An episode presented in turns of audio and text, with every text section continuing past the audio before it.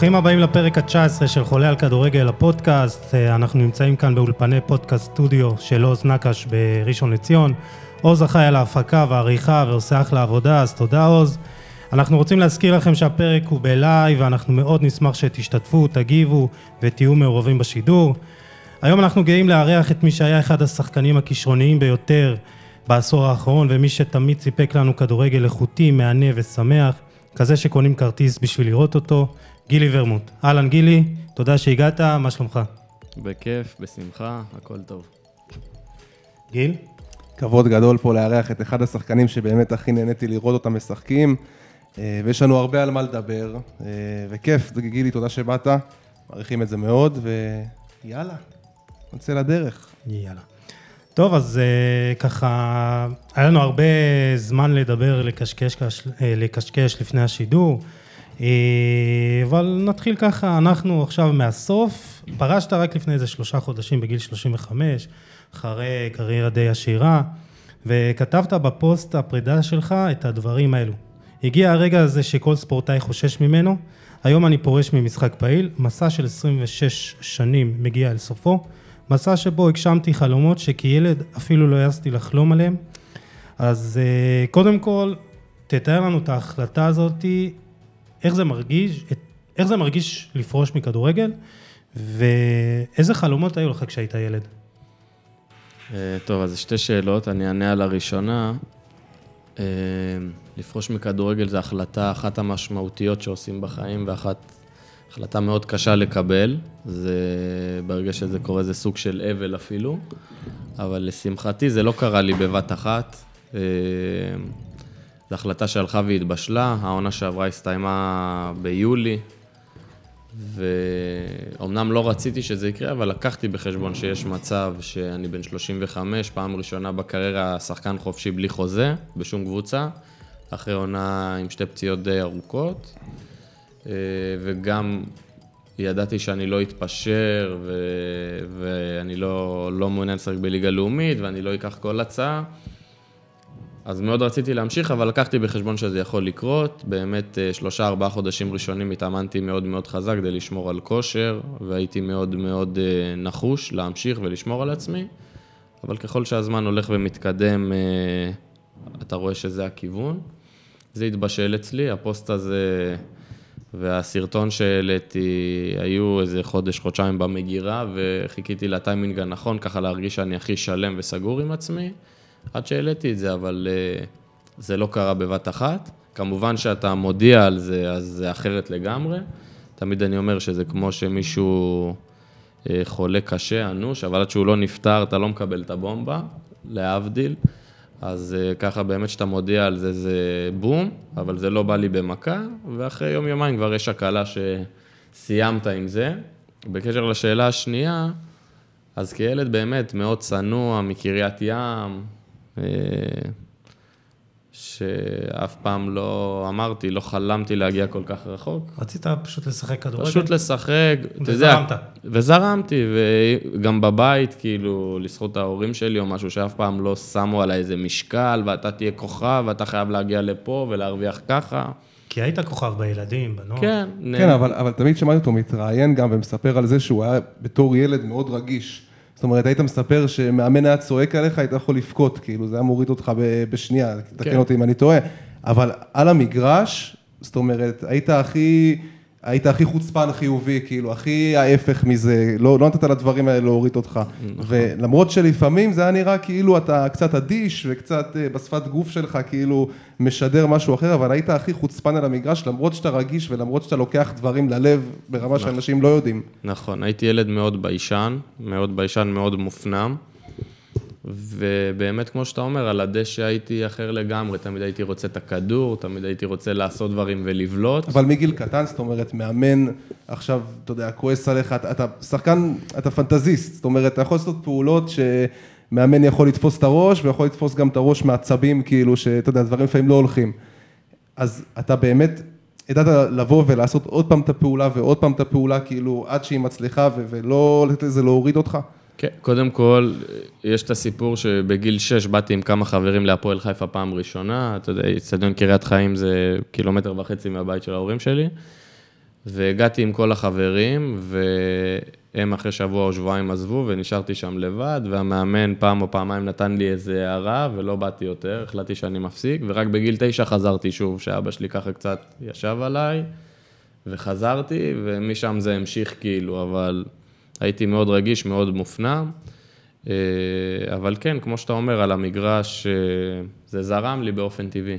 אז יכול להיות שללא אותו מאמן היית סופג עוד אה, כמה שנים של יסודות טובים בכדורגל? ואני חושב בגיל הזה, היסודות זה בשכונה, בקט רגל, בבית ספר, בהפסקות. מה, אתה אומר בעצם מגיל 6 כבר אתה, אתה הולך להפועל חיפה, זאת אומרת, מאיזה גיל הכדור אצלך ברגליים? כאילו... כן, אני חושב שכל שחקן... לא, יש כאלה שמתחילים גם בגיל מאוחר כן, יחסית. אני רואה גם את הבן שלי עכשיו, שוב, אני לא יודע מה יהיה איתו, כן? אבל הוא חולה על כדורגל, הוא תמיד עם כדור, מתי שאפשר לשחק משחקים. תמיד הייתי זה שמביא את הכדור לבית ספר, הוא בן שבע. תמיד זה שהייתי מביא את הכדור לבית ספר ומחכה רק לשחק, זה טבעי. היום הילדים אמנם יותר במסכים ואוהבים להיות בבית מול כל האייפדים והטאבלטים והמשחקים. בגילי, שזה היה 30 שנה אחורה, אז גם היינו הרוב אה, הרבה ברחוב. כן. טוב, אז בהקשר לאישיות שלך, למרות שכביכול היית נראה די מופנם ושקט, ענדת את סרט הקפטן בשלוש קבוצות, אם אני לא טועה, בהפועל תל אביב, בהפועל חיפה, אפילו במכבי חיפה. אז אה, איזה מין סוג קפטן היית? היית מנהיג שקט? כי גם דיברנו עם כמה אנשים שליוו אותך במהלך הקריירה, אה, והם אמרו לנו שכשהיה לך מה להגיד, היית אומר אותו. אה, לא הייתי זה שצועק או משתולל בחדר הלבשה, לא. אבל כן, בשיחות עם מאמנים הייתי אומר מה שיש לי. כמובן, ככל שאתה מקבל יותר מעמד, או ככל שאתה מתבגר, אתה מרשה לעצמך לדבר יותר. ותמיד יש על זה ויכוח, מה זה מנהיג, מה זה לא מנהיג, אה, מסי הוא מנהיג, הוא גם לא מוציא מילה על המגרש, אבל הוא הכי ווינר בעולם, אז כאילו... אף פעם לא הייתי רועש מדי, אבל כן, שהיה צריך... אה, אני זוכר, סליחה, שנייה, אני אשתה. אני זוכר אפילו במשחק אליפות בטדי, דקה 80 או משהו, שכבר נהיה כאוס ותוהו ובוהו, וכולם למעלה וארבע חלוצים, וביתר בכל חטיפת כדור יכולים לרוץ לתת לנו גול צד שני. אני רץ לאלי גוטמן בטירוף ואומר לו, תסדר אותנו. לקחת לנו, לקחת לנו את אחת ה... הקדמת, הוא הקדים אותנו. אתה רואה, זה קפץ לי לראש במקרה. אז אה, זה סוג של מנהיגות, כן? אה, וגם אלי גוטמן אה, זוכר את זה, כן. שאמרתי לו... לא... באותה עונה אתה מרגיש שאתה בשיא, כאילו, ברמה כן. שאתה יכול לבוא לאלי גוטמן באמצע משחק ולאלי גוטמן כן, הגדול, לא, כאילו... זה נטו, אתה יודע, מאכפתיות לקבוצה, ושאנחנו הולכים להפסיד עוד שנייה, ואז הוא פיזר אותנו, והוא שם את ערן זהבי מגן ימני, ואת הגול הוא כאילו ביצע מהעמדה הזאת. אתה רוצה לספר את מה שהוא אמר לנו? כי אני בתור... אה, זה קשה לי. אה. את הסיפור על גוטמן. דיברנו אתמול עם גוטמן, קצת אה, ככה, סיפק לנו כמה פנינים וכמה סיפורים. אז אה. אה, הוא סיפר באמת שהייתה כאילו, אני גם ראיתי את המשחק הזה, התקפה מצד לצד, באמת היה שם כאוס מוחלט, כמו שגילי סיפר. אה, אז הוא אומר שבעצם, גוטמן מספר שאתה נתת לו בעצם סטירה במשחק הזה, שאתה אמרת לו את הדבר הזה, בעצם כמו, כמו מפקד שבאים אליו ואומרים לו בואנה, שתעלת כאילו על מה שקורה פה. והוא אומר שהוא אסף את השחקנים, ומשם באמת הגיע הגול. כן, האמת שקשה לשפוט אותו באותם רגעים, זה עשר דקות אחרונות של העונה, שזה אליפות או לא אליפות, כאילו, אני לא יודע איך, איך מאמן יכול להיות בכלל בפוקוס או לא בבלקאוט, זה, זה, זה... זהו, שהוא אמר שהוא, כמה שהוא היה מוכן טקטית לכל משחק ומשחק והכל היה כן. בשליטה, במשחק הזה הוא הרגיש חסר אונים. ותודות לך... כן, זה מקרה יוצא דופן, זאת אומרת, לא, אתה לא מתמודד עם זה כל שבת, כל שבוע, אה, אז זה מקרה חריג, אבל אה, אני מבפנים הרגשתי שאנחנו ככה בכאוס, ובית"ר בכל מתפרצת מגיעים למצב של גול, אה, ואז הוא באמת התעשת וסידר אותנו כמו שצריך. זה היה אחד הרגעים אולי הכי גדולים בקריירה שלך? ברור, המשחק הזה, ברור. אני חושב שכל מי שהשתתף במשחק הזה. יש, משהו יותר גדול מזה, חוץ מלזכות במונדיאל? לא, באמת, זה היה רגע, מדהים, אבל גילי, בוא, בוא נלך רגע, אתה יודע, לתקופה האחרונה שלך בעצם. הראת, בכל מה שהיית על המגרש, הראת שאתה עדיין יכול לתרום, הראת שהכדור אצלך, אה, עדיין דברים קורים, עדיין כיף, כיף לראות אותך שהכדור אצלך, אבל משום מה, אצל סילבס זה פחות הלך בתקופה האחרונה. בוא, תספר לנו מה היה שם. אה, קודם כל, חשוב לציין שבעונה האחרונה סבלתי משתי פציעות אה, לא, לא קצרות, של מעל חודשיים כל פציעה, חודשיים וחצי, אה, שזה שיבש לי די את העונה. והיו דברים מעבר, אתה יודע, זה ידוע על סילבס שהוא לא חולה על כדורגל אטרקטיבי, או אתה יודע, יותר אוהבים, הוא אוהב יותר את הממושמעים, את החיילים, את ה... ניסית לדבר איתו? כן, היה, היה, היה לנו שיחות. אה, אני גם לא אוהב יותר מדי, אתה יודע, סך, אני כן נכנס למאמן שצריך, אבל בסופו של דבר בכדורגל אין סודות. אתה יודע, יש את מי שעל הדשא, מי שעל הספסל, מי שביציע, הכל גלוי, אי אפשר להחביא סודות פה. אה, וזהו, הוא פחות האמין בי. אה, שאתה בגיל מסוים, אז ככה גם הגיל יושב לך על המצח כאות קין כזה, שזה גם מפריע. ובכללי אולי גם הנוכחות שלי טיפה הפריעה לו, אתה יודע, זה לא איזה ילד שנותנים לו הוראה והכל זה אמן, ולא שאני לא ממושמע חלילה, כן, אבל זו התמודדות אחרת שפחות התאימה לו. אה, וזהו. זה לא רק אתה, זה גם עדן בן בסט, זאת אומרת, היה שם איזושהי בעיה עם השחקנים הוותיקים יותר. קודם כל, בכללי זו הייתה קבוצה מאוד מבוגרת, המון שחקנים מעל גיל 30, שהוותיקים ביניהם היינו אני, עדן ומהרן לאללה. אה, אני לא רוצה, להשו... אני לא רוצה להכליל את כולנו, ואני גם מתעצבן שעושים את זה, כי כל אחד אה, נמצא במקום אחר, כל אחד מקצועית במקום אחר. אז לא אהבתי שמכלילים הוותיקים, כל אחד עם האופי שלו, ואני כאילו ניסיתי להבדיל את עצמי, שהתייחסו אליי נטו כשחקן, כגילי ורמוט, ו... ולדעתי מקצועית היה לי המון המון לתרום, ובכל האימונים, כמובן שהייתי בריא, הייתי מהבולטים ביותר. דמיינת את... והשחקנים גם יעידו על זה. דמיינת את החזרה להפועל חיפה שונה ממה שהייתה בפועל? קודם כל, ההתחלה הייתה פנטסטית. כן, אה, גביע. הגעתי וזכינו בגביע שלא ציפיתי לזה בכלל. ולאחר מכן השתתפות באירופה, ועברנו שלב אה, ראשון קבוצה מאיסלנד, שבישלתי את הגול ניצחון שם אה, באיסלנד. ואז החוויה נגד אטלנטה, חוויה שהפכה לסיוט, אבל חוויה. וגם העונה אחרי זה עם שרון מימר, הייתי בעונה הזאת מצטיין האוהדים של הקבוצה.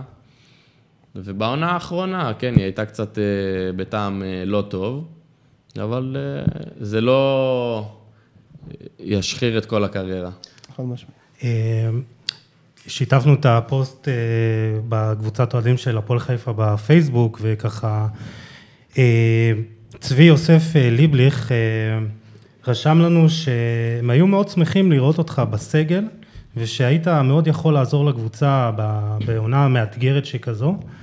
אה, היו דיבורים שתישאר בקיץ, נכון? כן. וגם הרגשת פיזית שאתה יכול לתרום גם בליגת העל. כן, אני באופן אישי, ידעתי שסילבס, בוא נגיד, לא מהתומכים הגדולים שאני אמשיך. אמנם אה, לעדן בן בסט ולמהרן לאללה, הוא קרא לשיחות בסוף העונה ואמר להם שהוא לא רוצה אותם, במילים אחרות. איתי הוא לא דיבר בכלל. עכשיו, ידעתי שהוא לא רוצה, וגם הוא ידע להעביר את זה דרך התקשורת שאני אדע שהוא לא רוצה, אבל יואב כץ מאוד מאוד רצה, וכל שאר אנשי המועדון שמקבלים החלטות מאוד רצו, וגם נוצר איתי קשר אה, במהלך הפגרה, של איך מתקדמים עם החוזה, והיה כבר סוג של התקדמות עם העורך דין שלי, ופתאום זה נעצר, ו... והוא עצר, כאילו, המאמן עצר את זה ולא רצה. אני בטוח שבאופן אישי היה לי מה לתרום. גם הייתי כבר פתוח בראש אה, שאני לא תמיד אהיה שחקן הרכב, ואני כן אעלה לחצי שעה, ל-20 דקות שצריך, ואני חושב שהיה לי המון מה לתרום, אה, אבל זאת ההחלטה שהתקבלה. התבאסת שלא עשו לך איזה אירוע פרידה, משחק פרידה, לא. שזה נגמר בצורה כזאת, בכל זאת גדלת במועדון, היית קפטן, לא. הרמת גביע. קודם כל... אה, אה, אין קהל עכשיו בגלל הקורונה, אז אין טקסים כמעט או אין ערך לטקסים. ודבר שני, גם לא הייתה לי ציפייה כזאת גדולה, אז לא התאכזבתי וזה לא, לא כזה חשבתי על זה בכלל.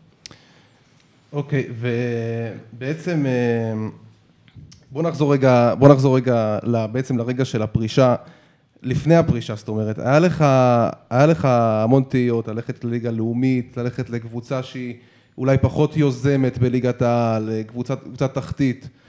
אה, מה, מה עבר לך בראש באותם רגעים? זאת אומרת, לאן, לאן הכיוון הלך? ללכת לליגה לאומית, לקבוצה שהיא יותר חזקה, או ללכת לליגת העל, לקבוצה שהיא ככה מדשדשת ואתה פחות יכול לבוא, להביא את היכולות שלך לידי ביטוי? קודם כל, כשעברתי להפועל חיפה, זה כבר היה לי איזה שינוי מבחינת הכדורגל. זה לא קבוצה עם יומרות עכשיו לרוץ בצמרת, או למרות שבעונה שהגעתי סיימנו מקום רביעי וזכינו בגביע, אבל זאת לא, זו קבוצה שבדרך כלל היא לא דומיננטית במשחק, וזה כבר היה לי כן. הבדל וגם קצת קשה, שאחרי כל התקפה אתה צריך לחזור ולחכות על החצי, אה, אז זה כבר היה לי הבדל. ליגה לאומית היה לי בראש מלכתחילה שאני לא הולך, שאני לא בנוי לזה, לשחק שישי בצהריים, ואתה יודע, גם... צריך... אבל היו גישושים שם. אז כל הקבוצות שם כמעט פנו אליי. אה, הקבוצה היחידה שהלכתי להיפגש איתה זאת הפועל רמת גן, שאפילו דיברו על חוזה לשנתיים, והם היו אז מקום ראשון או שני, שאני יכול עונה הבאה פתאום להיות איתם בליגת העל עוד פעם. אה, ואולי תפקיד אחרי זה, אבל אה, הם מבחינתם עשו הכל, נתנו לי הרגשה נהדרת, אבל משהו בתוכי היה סגור לליגה לאומית. וכמו שאמרתי, בליגת העל, זה היה עכשיו ללכת לקבוצות תחתית, להתמודד על ירידה, קרבות הישרדות, אני לא השחקן הכי לוחמני בעולם, צריך הגנה, צריך לחימה. החלטתי שצריך לסיים את זה בקלאסה, לא בכוח שום דבר, ואני שמח שככל שהזמן עובר, אני רק שמח על ההחלטה שקיבלתי. אוקיי, okay, נחזור לתחילת הדרך שלך בהפועל חיפה, וכבר דיברנו על אה, אלי גוטמן, ויש לך קשר מאוד מאוד טוב איתו, די כזה... כשדיברנו איתו, הוא אמר ישר, אחד והוא מיוחד, עליך. אה, והוא סיפר לנו גם שבגיל 13 אה, גדלת עם אה, אורי, הבן שלו באותה קבוצה, mm-hmm. ואורי ביקש ממנו להגיע לאיזה משחק, לראות אותו, וזה היה כזה שבת, ו... ואז הוא אמר אחרי המשחק, מבין כל השחקנים פה, רק שחקן אחד יצא שחקן, הוא התכוון אליך, הבן שלו התבאס, אבל תאר לנו גם את הקשר הזה שיש לך עם עם אלי. כן, קודם כל, אה, כן, אורי היה איתי, אה, עד גיל 14 בערך בקבוצה, אנחנו בני אותו גיל. אה, אלי העלה אותי לבוגרים של הפועל חיפה בגיל 17. נכון. הוא חזר, היה לו את האליפות עם הפועל חיפה, ואחרי כמה שנים הוא חזר, הקבוצה ירדה לליגה לאומית בדיוק, והוא חזר כדי להעלות אותה שוב, והעלה אותי בגיל 17 באמת, ונתן לי את הבמה הראשונית. אומנם לא שחקן הרכב, כל המשחקים הייתי הולך לחצי שעה פלוס מינוס. אה, ובאמצע העונה, הפרויקט הזה של הלעלות ליגה לא צלח, והוא עזב באמצע העונה. ואחרי כמה שנים נפגשנו עוד פעם, שחזרתי מבלגיה להפועל תל אביב, לעונות היפות, ולאחר מכן המשכנו בנבחרת. אז אה, יש לו חלק משמעותי בקריירה שלי, ו... וגם הוא ידע למצוא את התפקיד שהכי אני אצליח להביא את היכולות שלי לידי ביטוי. ומשם בעצם זה היה נראה שהמעבר להפועל תל אביב, זה היה נראה באמת הדבר הכי טבעי בעולם מבחינתך. זאת אומרת, אתה יודע, גם הצבעים, גם לא עכשיו לעבור למכבי חיפה או משהו כזה. זאת אומרת, זה היה נראה שזה מאוד מקום ש, שמתאים לך, מקום ש, שיחבק אותך, שיעשה לך טוב. אה, ואז משם בעצם השאר היסטוריה, ויצאת פעם ראשונה באמת לגנט, אחרי שתי עונות מוצלחות בהפועל תל אביב. אה, אתה חושב שיצאת אולי קצת מוקדם מדי לגנט, או שבדיעבד זאת הייתה החלטה לא נכונה, פחות נכונה מבחינתך? תראה, הייתי מאוד צעיר, הייתי אחרי צבא, למרות שאתה יודע, מנור סולומון יצא אפילו שנה יותר צעיר מזה, או, שנתיים יותר צעיר מזה, והוא עשה החלטה פנטסטית. אז אה, כי על הנייר באמת גנט זה קבוצת צמרת בבלגיה, קבוצה שיוזמת כן, בדיוק כן. כמו שתפורה כן, לך. תראה, בגדול, אני מאמין שהייתי צריך אולי להמשיך עוד שנה, שנתיים להתפתח בארץ ולצאת למקום אפילו יותר טוב. והייתי שם עונה, שרוב המשחקים שיחקתי אבל כמחליף. אה, החתימו אותי שם לארבע שנים להיות מין איזה שחקן, אה, כאילו כישרון עתידי שם, אבל אה, לא התאים לי המעמד הזה. ו... ואמרתי את זה כמה פעמים, שהישראלים יש להם תמיד את הברירה של לחזור לישראל, ש... שגם לא תמיד זה טוב, אבל ההחלטה שלי הייתה נכונה, כי חזרתי להפועל תל אביב, ואז הגעתי ועשיתי את מה שעשיתי עם הפועל תל אביב, והיה לי לחזור לחוזה לא פחות טוב, לקבוצה שאני יותר מוערך ממנה, שמשחקת בבתים של אירופה כמעט כל עונה, אז אמרתי, אז למה אני אשאר פה? כאילו, ומסתבר שזו הייתה החלטה נכונה לחזור. זהו, אבל... כי היום אנחנו רואים שחקנים צעירים באמת מנסים לצאת בכל מחיר, אפילו ליעדים כאילו שהם על הנייר הזויים, ואתה אומר, כאילו, וואלה, אני פה בהפועל תל אביב, טוב לי, בשנים טובות, יציבות של המועדון, גם מבחינה מקצועית, גם מבחינה, מבחינה ניהולית, אה, משחקים באירופה, תארים. אז אתה אומר בעצם, לא צריך בכל מחיר לצאת לאירופה. בוא נגיד שאם הייתי עומר אצילי, שיצא לגרנדה פתאום בספרד, אז זה מקום אחר, ושם הייתי אולי מנסה... חלמת על ספרד. חלמתי על ספרד, ואם אני בגיל, הוא גם יצא בגיל 23 או משהו כזה, אז הייתי מתאבד להישאר שם ולעשות הכל. אבל כשאתה סך הכל בבלגיה, לעומת ישראל, אז אתה אומר, אתה יודע, אתה עושה את ההשוואות, אתה אומר, אז אני אחזור, כאילו, זה לא, לא big deal. מה היה לך קשה שם? מבחינת האווירה, המרחק מהבית, הכדורגל, האימונים? לא, בסופו של דבר, עם כל הקושי של מזג אוויר ושפה ומנטליות שלנו, בסופו של דבר, הדבר שקובע זה העניין המקצועי. אם יהיה לך טוב בקבוצה המקצועית, כל השאר זה שולי, אתה תסתדר. אבל ברגע שלא הייתי שחקן הרכב, ולא לא היה לי טוב מקצועית, כאילו, אז, אה, אז אתה אומר, למה אני אסבול את המסביב? ושבמיוחד שיש לי חלופה לא פחות טובה, אז אתה עושה את ההשוואות, ואתה, ובאמת ההחלטה התבררה כמאוד מאוד נכונה. אה, שוב, בקשר למה שאמרת, כל שחקן עם הסיטואציה שלו מאוד קשה להשוות. יש שחקן שייצא נטו כי הוא ירוויח פי שתיים, שזה בסדר. יש שחקן שסתם בא לו להגיד שהוא ליגיונר, אז הוא ילך לאלבניה או לארמניה או למקומות... יטייל. יטייל, יש שחקן שהוא בליגה לאומית בארץ, והוא מקבל הצעה מקבוצת ליגה ראשונה במדינה אחרת. אז זה גם טוב. כל אחד עם ההחלטות שלו, עם הסיטואציות שלו, מאוד קשה להכליל את כל הנושא הזה. אז בואו באמת, בואו ניקח אותך לשנים אולי הכי יפות בקריירה שלך בעצם, אתה חוזר מגנט להפועל תל אביב. אלי גוטמן שמע שאתה רוצה לחזור, הוא מאוד התלהב, צירף אותך להפועל תל אביב, שבדיוק באותם שנים הייתה בהכנה להתפוצצות, מה שנקרא. מה, מה היה מיוחד בקבוצה הזאת? הרגשתם שזה משהו שהולך להתפוצץ כאילו על המגרש? לא, לא הייתה, לא הייתה ציפייה לאליפות, לא הייתה קבוצה עכשיו של מיליונים, כמו של מכבי תל אביב הייתה כל עונה, או מכבי חיפה. אותם שנים בית"ר ירושלים. בית"ר ירושלים אולי, אה, לא הייתה ציפייה הזאת, סך הכל היו המון ילדים צעירים, אה, שהתחילו את הפריצה שלהם, אה, וזה התחבר עם שני זרים מהטובים שהיו, שזה אניאמה ודה סילבה. אה, והדברים התחברו, ואתה פתאום מתלכד ונהיה מין להקה כזאת. זה... מה היה מיוחד בקבוצה הזאת? זה החדר הלבשה שהיה חזק, כי דיברת על זה שהקבוצה הזאת היא לא הייתה עמוקה בטירוף. אז בכלל לא היה את עניין הרוטציות וה-GPSים, והיינו באירופה עד פברואר, כי גם סיימנו מקום ראשון בבתים של ליגה אירופאית, אבל ברוך השם, אתה יודע, באותה עונה לא היו פציעות כמעט. היינו סגל מאוד מאוד קצר של 12-13 שחקנים, אה, אבל באמת אה, רצנו כל העונה, ו... וזה התחבר, זה התחבר, היו שחקנים טובים שפרצו, אה, וזו הייתה הגדולה של גוטמן באותם ימים, שהוא ידע לחבר את כולם. הוא אהב את הטקטוקים, מה אמר לכם לתקתק כל הזמן. כן, לא, הוא תמיד אוהב הנעת כדור, אוהב להחזיק בכדור, בגלל זה הוא גם מתחבר לשחקן כמוני. ו... וכן, הכל הלך טוב, עם נגיעת מזל. אתה חושב שזאת אחת הקבוצות הכי מהנות בכדורגל, ש... שאתה ראית בכדורגל הישראלי? גיל אומר, גיל אומר שכן. אני חושב שכן. כן, כן. אני... אני לא... קשה, כאילו, אני לא יודע... אתה יודע, זאת הייתה עונה, זאת הייתה עונה באמת שהיית בא, אני הייתי בכמה משחקים של הפועל באותה עונה, עם דוד שלי שלקח אותי, היה אוהד הפועל, ו... כאילו זה היה קונצרט על המגרש פשוט, בכל, בכל, מג... בכל משחק זה גילי ו... ודדי בן דיין ו... ושכטר ודה סילבה וניימה, כאילו קבוצה באמת שאתה אומר בסטנדרטים של הכדורגל הישראלי, אה, קבוצה מושלמת וגם הבאתם את זה לידי ביטוי באירופה בעונה אחרי זה בליגת האלופות. כן. זו החוויה הראשונה שלך בליגת כן, האלופות. היינו אטרקטיביים כי הפקענו הרבה שערים, יצרנו המון מצבים, שיחקנו מאוד התקפי. אה, אתה באיזה, באיזה תפקיד שיחקת בעונה הזאת? אה, באחד הצדדים, אבל הייתי מטייל במגרש. היית בצד ונכנס לאמצע. כן. אה, שם הרגשת הכי בנוח? כן, ואתה יודע, היינו עולים בש... הרבה פעמים ב-4-4-2, שהשני השחקנים האחוריים במרכז שדה זה ידין וזהבי. אז תחשוב איזה התקפי שיחקנו.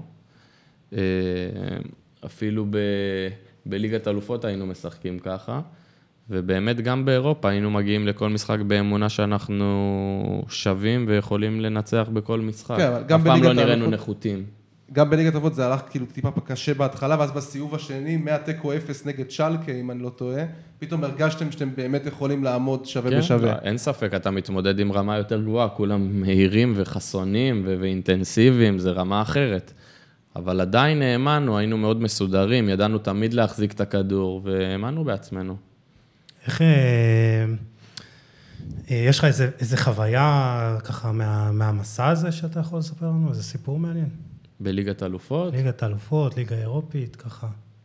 התבאסתם שלא, שקיבלתם בית שהוא לא ברצלונה כן, וריאל? האמת שאני אה, באופן אישי מאוד התבאסתי, כן? כן. העדפת לקבל את זה יובנטוס, ברצלונה, ריאל, ביירן. חד משמעית, כן, יצא בית מאוד אפור. רגע, למה? היו ליון, נכון? היה ליון, היה שלקה. שלקה ובנפיקה. כן. הייתה קבוצה מצוינת אז עם דוד לואיז. כן, ו- דוד לואיז ואיימר וסביולה ו... לא, שמות. כן, ו- ושלקי היו עם אה, פרפן ורקיטיץ' וראול ואונטלר, אבל עדיין זה לא... עם מי החלפת חולצות? אתה זוכר? אז, אז, אז עכשיו אתה מעלה לי סיפור. יש לי שני סיפורים. סיפור הראשון שוט. עכשיו בקשר לחולצות, אני לא אוהב לבקש. כאילו, אני רציתי, אבל לא היה לי נעים. שמתי כסף לאפסנאי של הפועל תל אביב בכיס, אמרתי לך, תביא לי את החולצה של ראול.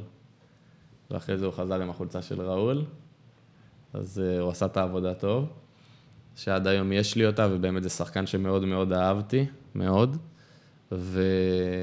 והסיפור, ועוד סיפור ששאלת לגבי אירופה, היה לנו משחק על העלייה לבתים בליגה האירופאית, זה בעונה של הדאבל, לפני הליגת האלופות. נגד גטבורג, לא? גטבורג, ואחרי זה טפליצה. טפליצה מצ'כיה, ושיחקנו שם, ודקה 86-7. הוא הורס לנו את הפאנצ'ים, תשים את הזה. אה, עשיתם עליי יותר מדי עבודה. תחקיר, תחקיר אנחנו רציניים. ת- תראה לו את המשחק, אתה יכול, אה, עוז? אה, זה גוטמן סיפר את הסיפור הזה גוטמן גם? סיפר. אז בוא בוא נשמע את זה ממקור ראשון. לא, והיה שם, עשיתי איזה דריבל או משהו, וכבר הייתי גמור לגמרי, ואמרתי לו, תוציא אותי. אני כבר, חומצות חלב בעיניים כבר. והוא לא הוציא אותי, ואז בסוף יצא המהלך של הגול, זה היה... היה גול טוב. כן. זה גול על מילימטר. כן, זה, אתה יודע, זה דברים שאתה לא מתכנן, זה יוצא לך אינסטינקטיבית, אה, ויצא יצא טוב. היית אוהב את המשחקונים של הארבע על ארבע באימונים. תמיד, תמיד, גם בעונה שעברה בהפועל חיפה, כן, שזה, אתה יכול לראות את הגול. שזה כמו קט רגל, אני... הנה, זה הפנדל, לא, זה הפנדל, סחט את כן, הפנדל. זה הפנדל, אבל זה לא הפעולה שדיברתי עליה, כן. זה לפני כן. זה גם, זה- זה המשחק הראשון או השני? זה, המס... זה ה- הפלייאוף לליגה האירופאית, זה המשחק הראשון. במשחק בבלומפילד היה תיקו 1-1. ספר לנו על נימה. הוא היה חיה. הוא היה חיה, הוא קודם כל בן אדם מדהים, צנוע, חברמן, חמוד מאוד מאוד, איש שמח כזה באמת, של אווירה טובה, אהוב מאוד, והוא היה, ה- אני חושב התכונה היחידה הפחות טובה שלו, שהוא היה קצת פחדן בתיקולים. הוא היה מפחד לקבל אה, זה, הוא לא, הוא לא אמיץ לשוער, אבל כל הדברים מסביב, שזה משחק רגל, שזה לדחוף אה, עם הרגליים, שזה אינסטינקטים, שזה שליטה, שזה... הוא היה משחק גם איתכם הכל. כשחקן באימונים לפעמים. קודם כל לא היה בועט פנדלים, לפעמים גם בעיטות חופשיות. אז זהו, אה, הוא החמיץ לו- פנדל במשחק אליפות, אם כן, אתה זוכר. כן, שזה יצא לטובה. אבל uh, הוא היה נותן חצים, הוא היה קשה ללחוץ שוער כזה, שיש לך שוער כזה, אי אפשר ללחוץ אותך. והוא היה באמת uh, השוער הכי גדול שהיה פה, כן? כן. שובארו, ויש אה, עוד כמה כן, כאלה. ראית גם בנבחרת ניגריה, במונדיאל, איזה הופעות הוא עשה. הנה, תראה. כן, זה קצת ישן, אז האיכות לא... אבל זה היה גול גדול, אתה אומר. כן, אחד השערים הגדולים שלך. נראה לי. העיתוי שלו, אתה יודע, החשיבות שלו. איזה שער אתה ממש זוכר? אה, תראה, לא הייתי כזה סקורר גדול, אז אה, היה את השער בנבחרת נגד בוסניה. אה, היה את השערים בגמר גביע המדינה. רפיד וינה, רפיד וינה בווינה. כן. גול גדול. כן. ובאמת אחרי העונה הזאת, אחרי העונה הזאת, ב... לא זאת, העונה שאחריה, בליגת האלופות, בעצם אה, אתה ושכטר קיבלתם את, ה... את ההצעה מקייזרסלאוטרן, ואני זוכר שאמרתי לעצמי, כאילו, באותו שלב, אמרתי, בואנה, גילי ורמוט, שחקן כל כך מוכשר, כל כך שאוהב את הכדור, שהכדור אוהב אותו בחזרה, הוא הולך לקבוצה עכשיו שבוא נגיד היא מחזיקה בכדור 30-40 אחוז במשחק, משהו כזה. קבוצה שנלחמת על חייה, אמנם פעם היה מועדון גדול, אבל אה, בתקופה שהגעת כבר התחילה באמת הדעיכה של המועדון הזה, שהיום הוא בליגה שלישית ועומד לרדת אפילו עוד ליגה, ואתה מגיע לשם, ומה אתה רואה? קודם כל, חבל שלא אמרת לי את הנתונים אז, של ההחזקת כדור. לא, אני באמת אמרתי לעצמי, בואנה, גילי ורמוט צריך לשחק באיזה קבוצה, כן. באיזה דורטמונד כזאת. כן. לא היה לי פייסבוק בזה, בתקופה ההיא. כן, גם- כן. גם לי נראה לי לא. אה, מה אני אגיד לך, החלום אמרתי היה ספרד, לשם כיוונו, ותמיד, כאילו, בשיחות עם הסוכנים, זה היה הכיוון וההתעניינות והכל. היו עוד הצעות? היה דיבורים, לא היה משהו עכשיו בוא תחתום. היה התעניינות ובאו לארץ וכולי, וזה היה ממש איך שיצאנו לפגרה. אה, ואז יש לך הצעה כזאת, שאו שבוא תחתום, או שבוא תחכה ולא, לך תדע מה כשאתה יהיה. מקבל את ההצעה, כשאתה מקבל את ההצעה, אתה, אתה מתלהב, זאת אומרת, אתה אומר, זה בונדסליגה, כאילו, אין מצב ברור. שאני לא הולך על זה, או שאתה אומר, לא, אה, לא, רציתי משהו לא, אחר, אני מאוד, אבל- אני מאוד שמח, זה בונדסליגה, אבל אני לא אומר, עכשיו אני חותם, בואו. כי... אתה אומר, צריך, זה בדמיונות, זה. בדמיונות היה לי קצת משהו אחר, אבל עדיין זה, זה לא רע. היה לך סביליה כזה, לא יודע. לא, לא סביליה, אני בן אדם ריאלי, אבל דיברו אז בזמנו, השמות שעלו סלטה ויגו, סוסיידד, ובעיקר מיורקה של דודו אוואט, שבסוף חמד חתם שם באותו זמן. נכון. על זה זה דובר. אה, וזהו, ואז באו קייזרסלאוטרן, אה, שבאו לראות את שכטר, ואז התלהבו מאוד ממני, ויצאה עסקת חבילה. ובאמת, באת, באת מה- מהקבוצה הכי מוכשרת בישראל אז, זאת אומרת, באימונים היית רואה בטח דברים מדהימים, אתה ו- וכל החבר'ה שם, כאילו, שחקנים טכניים אחד-אחד ומוכשרים, ואתה מגיע לקבוצה באמת שהיא קבוצה מאוד אפורה בליגה הגרמנית, אולי הכי אפורה בליגה הגרמנית. מה, איך, מה הרמה של האימונים בהשוואה למה שהיית רגיל בהפועל, אה, מה- מהבחינה הזאת, זאת אומרת, כן, קודם כל, מבחינת... איך האימונים נראו? מבחינה טכנית של הנעת כדור וזה, זה לא היה הפועל תל אביב, אבל מבחינת אינטנסיביות, פיזיות, עוצמות, זה level מטורף, כאילו... מהשחקן בן 34 ועד השוער השלישי, כולם צריכים לעשות את כל האימוני כושר, הכל... שאתה כל אימון מסיים ואתה מרגיש שאתה במחנה אימונים, כאילו מבחינת העייפות של גוף, של רגליים. הגעת גם לשם עם איזושהי פציעה. כן, נכון? הגעתי אחרי ניתוח בקע, שקצת... אז אה, בכלל, לא היה גם, לך קשה גם. בסיום שלו היו לי עוד כאבים במפסעה, וכן, ההתחלה לא הייתה טובה. ובכללי, אבל זה לא היה מאמן, אני לא יודע איך המאמן בכלל רצה אותי שם, כי זה לא מאמן של, אה, אתה יודע, זה מאמן של יותר לחימה ומשמעת. מאמן כושר. כן, אתה יודע, כל יום שלישי יש לך שני אימונים. האימון הראשון הוא בלי כדור. אתה מגיע, זה חימום, זה ריצה בחול הרך, יש להם שם קובייה של חוף ים כזה, עבודה שם, אחרי זה ספרינטים, ובסוף נכנסים לתוך האצטדיון, ורצים את כל היציע, שזה מדרגות עד השמיים, והמאמן מחכה לך למעלה עם סטופר, ואתה עושה את זה כמה פעמים טובות, קיצור, זה הטירונות שלא הייתה לך בגיל 18. בדיוק, וב...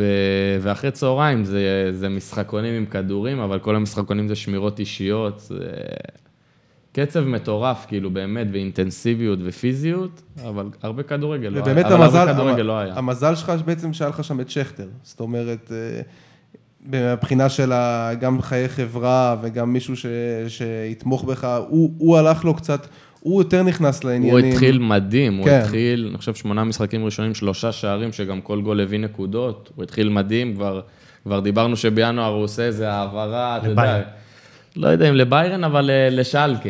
אה, וגם זה נעצר לו פתאום, גם המאמן פתאום איזה משחק שם אותו בצד, והוא התבאס, ו- ומאז הוא התחיל באיזה ירידה, ואז הוא התחיל להיפצע קצת באחורי וזה, וגם פתאום זה... וכבר באיזה אוקטובר-נובמבר כבר ידעו שהקבוצה יורדת, כאילו, והתחילו חילופי מאמנים שם, וגם התחרבש לו בקיצור. אתה, אתה בחור ביישן, זה מעניין אותי, זאת אומרת, אתה נכנס לחדר הלבשה גרמני, גם המכשול של השפה, גם איך, איך, איך מתייחסים אליך, איך... אה, קודם כל, הביישנות עם הגיל לאט לאט עוברת, כן? אה, וגם אני נכנסתי איתו ביחד. אה, עם שכטר אי אפשר, זה שכטר הס- עם ה... הסטנדאפיסט. אז... מה, אה, זאת אומרת, סיפר שם שכטר בדיחות? נכנס וישר מרגישים אותו, כאילו, לא משנה איפה זה... כן, כן. וגם, אתה יודע, מתחילים הריחולים בינינו, אנחנו חושבים אחד ליד השני, לא טעות, תראה את זה, זה נראה לי הכוכב, זה נראה לי פלופ, זה נראה... הוא אמר על הכוכב של הקבוצה שזה נראה לו השוער השלישי. מצחיק עם שכטר, אה? כן. הוא אחד החברים הטובים שהכרת בכדורגל? בטח, ברור. כן, עד היום אנחנו חברים טובים, בטח. למרות שאני גר בתל אביב, הוא גר בראשון, אבל אה, כן. אה, לא, אתה יודע, לא כזה... כן, לא, הוא עם ארבעה ילדים כבר. אה, אבל כן, ברור, אנחנו חברים טובים, אנחנו בקשר יומיומי, בטח. אה, גוטמן סיפר לנו, עוד פעם גוטמן, תשמע, הוא באמת בן אדם מרתק, הוא סיפר לנו שהוא הגיע פעם אחת לגרמניה, והוא פשוט ריחם עליכם. כאילו, שהמאמן היה מריץ אתכם בלי כדור. ואמרתי לו, תשמע, זה... אתה נחשב אצלנו הגרמני, ואתה מגיע לשם, אתה אומר, בואנה, זה לא... נו, כן. זה... זה... היה לך קשה להסתדר שם? עניין אותי באמת עם האימונים שאנחנו עושים, או הדרך שהמאמן שלנו עובד, אם זה בכלל גרמניה, והבנתי שזה רק לקבוצות תחתית נכון. זאת אומרת, ביירן, דורטמונד ו... ווולפסבורג לא עושים אימונים כאלה. כן, הם אינטנסיביים, כן, הם עובדים על כושר, על כוח, אבל... עכשיו, בסופו של דבר צריך לבוא בשבת ולרדוף אחרי ביירן, כאילו, דורטמונד, אתה מבין, אתה צריך כושר. כן, אז, אה, אז הבנתי שזה רק בשלוש-ארבע קבוצות אה, עובדים בסגנון הזה. אה, וכן, לצערי לא... זה היה די צומת בקריירה שלי, ולקחתי את הפנייה הלא נכונה. אה, עוד שאלה לקייזרסלאוטרן. אדם אה, להב מהעמוד הנפלא פוסבאל, אתה עוקב אחריו? לא. אז יש... אה, מעניין. כן, okay. עמוד מאוד ככה שמתמקד בליגה הגרמנית.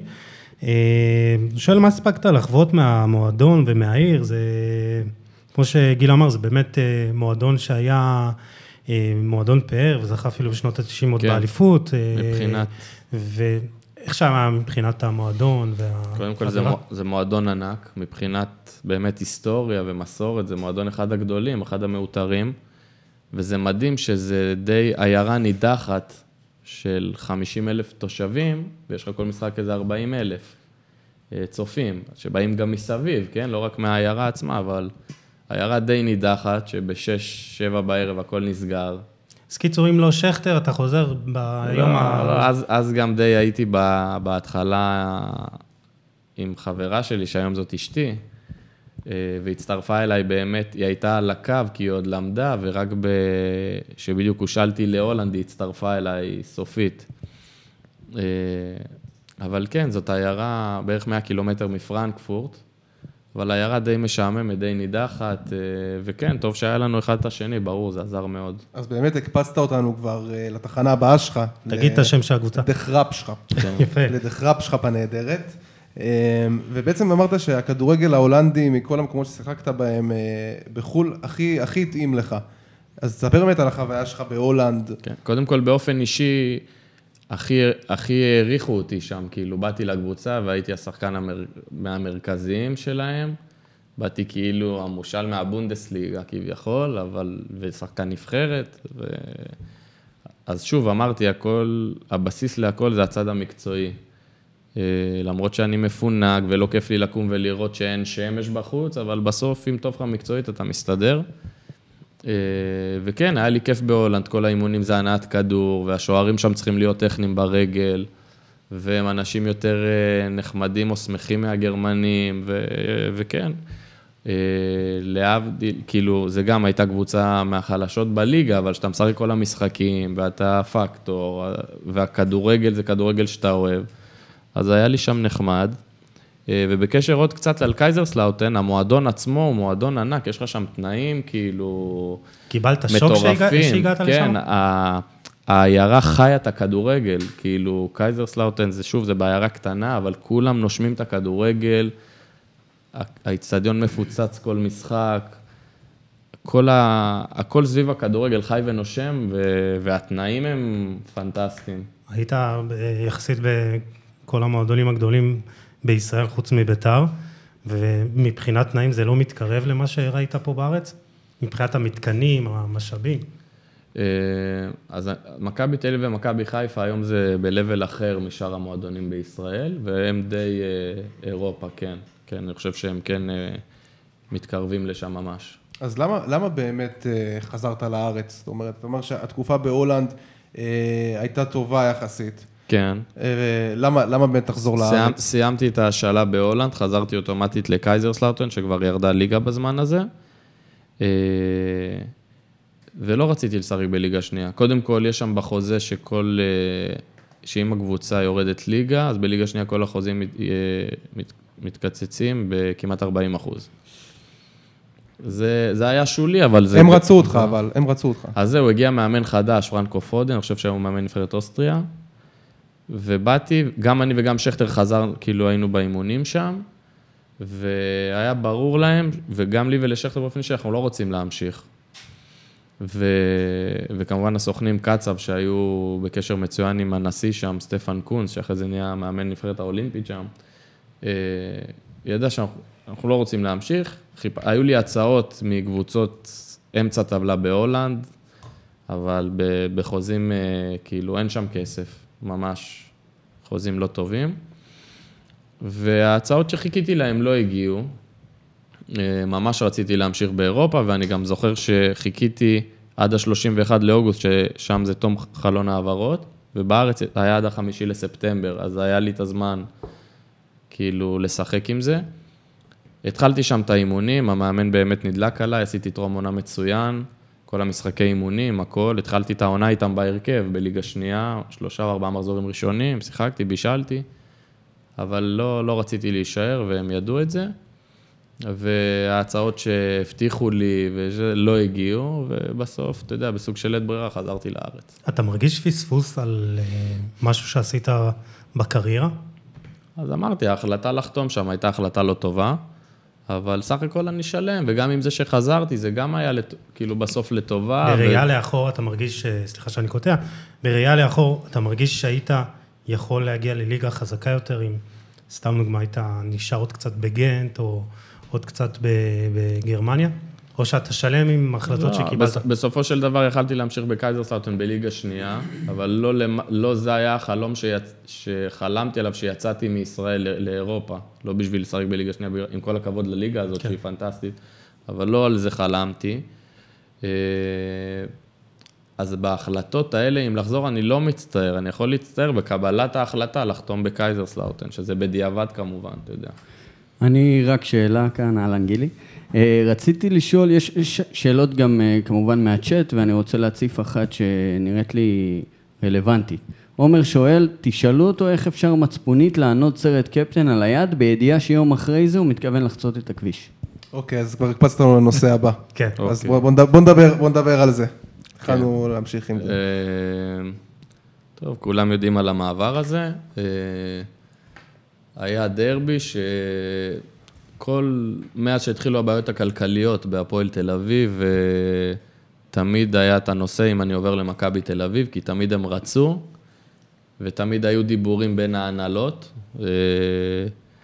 ושוב, בדיעבד, אחרי שכבר עברתי, הבנתי שאת כל העניין בין המועדונים, הכל נסגר לפני הדרבי, אבל אה, חיים רמון, אה, התנאי שלו היה זה שידברו איתי רק אחרי הדרבי.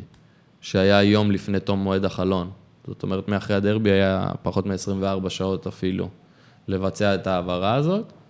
ובאמת, אחרי שנגמר, איך שנגמר הדרבי, הם פנו אליי, ורק אז ישבנו, וזה... ולא וזה. הרגשת שום דבר באוויר. תמיד זה היה באוויר. תמיד זה היה באוויר, תמיד היה כותרות בתקשורת. אבל מכבי תל אביב זה היה כאילו בום, זה היה, אני זוכר את זה, הייתי בטוח שזה פוטושופ, כאילו ברמה כזאת, לא נכון. האמנתי שזה...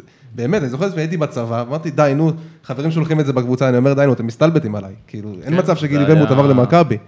כן, זה היה שוק לכולם, אפילו בשבילי. אה, אבל כל הנסיבות הובילו לזה. אה, היה לחצים גם מבפנים, גם מבחוץ. ו... וככה זה היה, לצערי, כמובן שאם זה, אני הייתי בוחר איך שזה יעשה, קודם כל, אם בהפועל תל אביב היה יציבות כלכלית והיה שם איזה ינקלה שחר, מן הסתם לא הייתי עוזב לעולם, אני מעריך.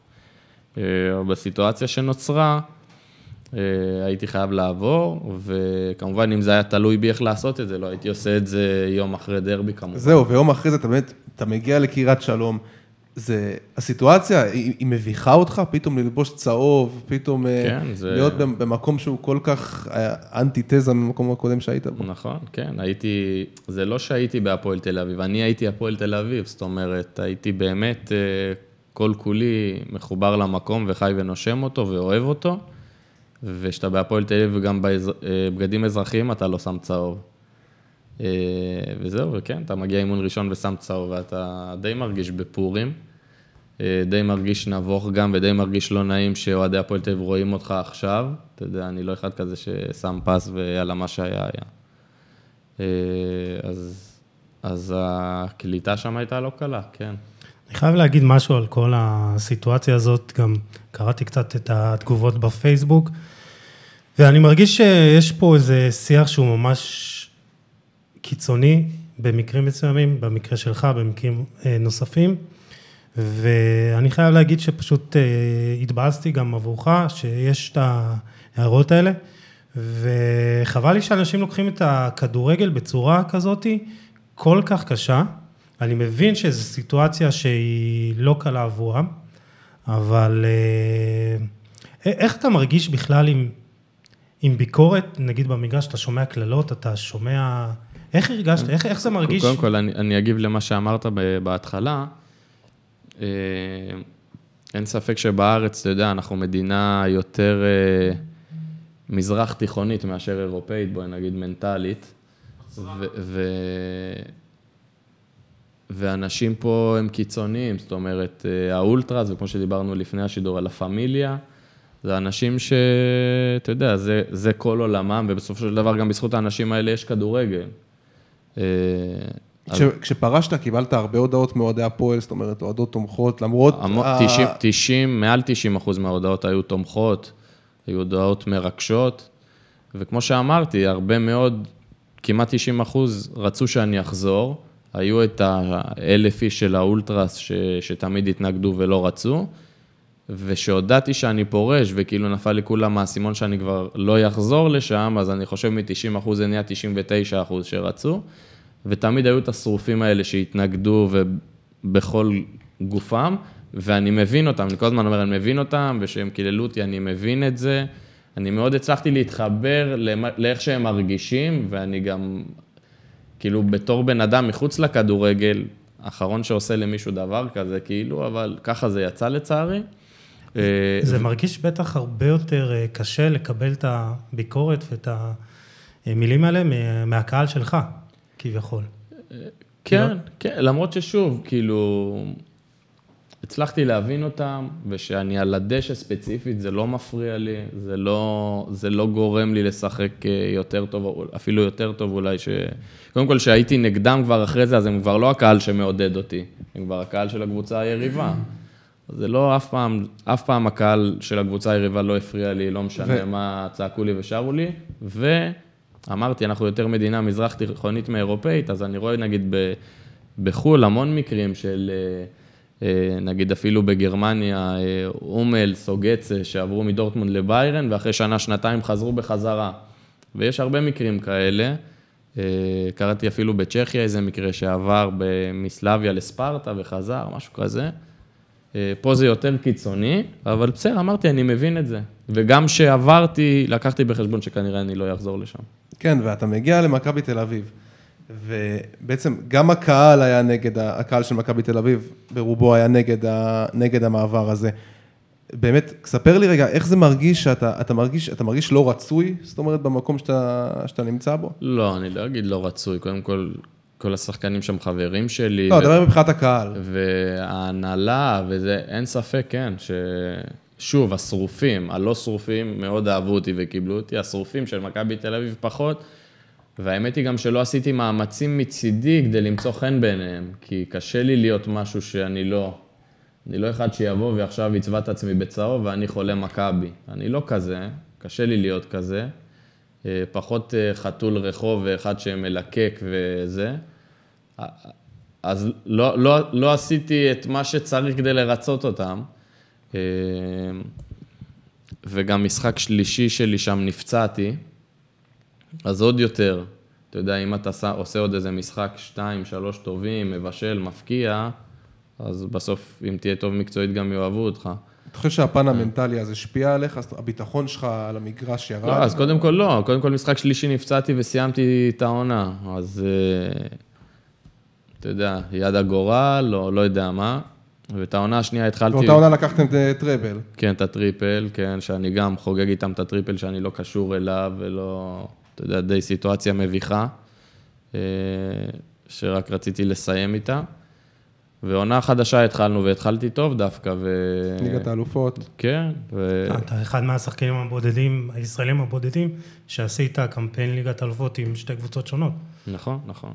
כן, זה, זה אחד הדברים הטובים שאני אקח ממכבי תל אביב, את החוויה בליגת האלופות.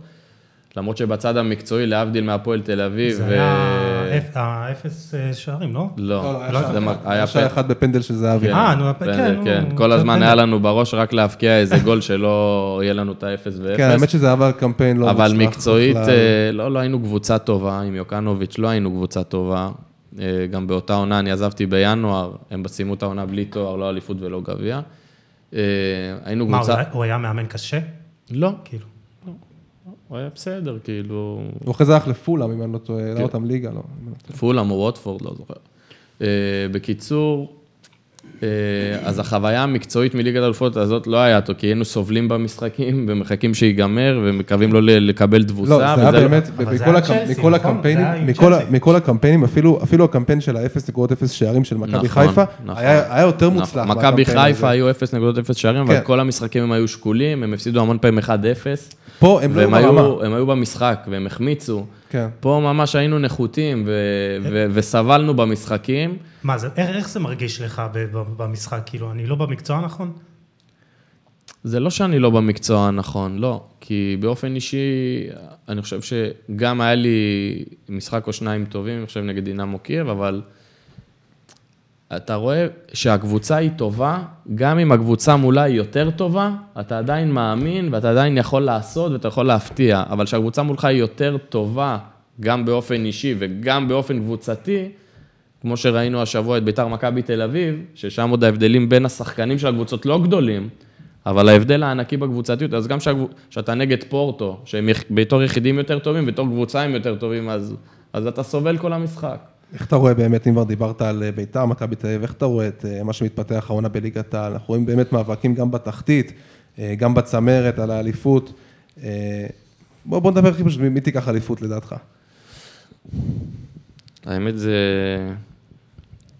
זה מעניין. כי פתאום המומנטום עכשיו השתנה לגמרי. נכון, נכון. שקול מאוד. אני לא רואה את...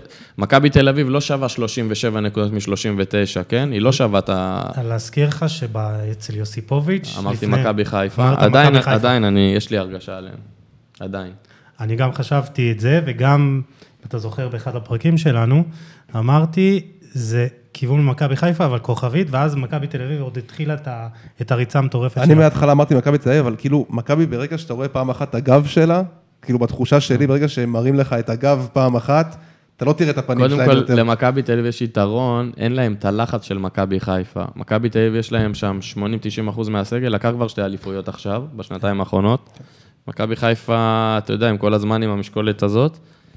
אז זה היתרון של מכבי תל אביב, אבל מכבי תל אביב לא מעל הליגה, שוב, הם לא שווים 12 ניצחונות מ-13 משחקים, וזה יתאזן, אני חושב. אז בוא, בוא נדבר רגע, בוא נדבר באמת על מכבי חיפה, זאת אומרת. הוא מרים לנו להנחתות, כן, כן. תשמע, אתה עושה עבודה טובה. אז גם מועדון, גם מועדון ענק ששיחקת בו, אבל גם, אתה יודע, כמו, כמו לא מעט שחקנים, ראינו את שכטר, ראינו את עטר, שחקנים חן שמגיעים... עזריאל, לשם- עכשיו אני נזכר. ש, שלא, מה, לא, איך הבאתי אותו?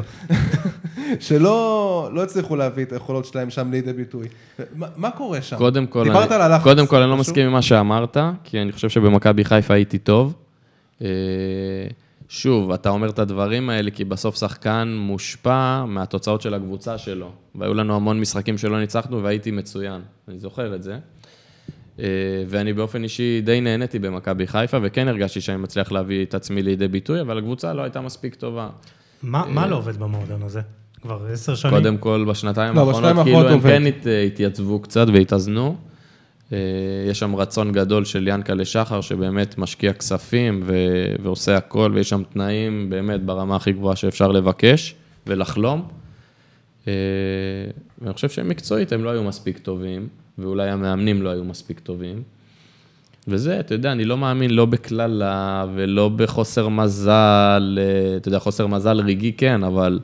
ובכישוף ובחרטות. כן. מקצועית, לא היו שחקנים מספיק טובים ולא היו מאמנים מספיק טובים. אז זהו, שאתה מספר על התוכניות שלך לעתיד, ויש לך איזו שאיפה מסוימת כן להיות איזה מנהל מקצועי.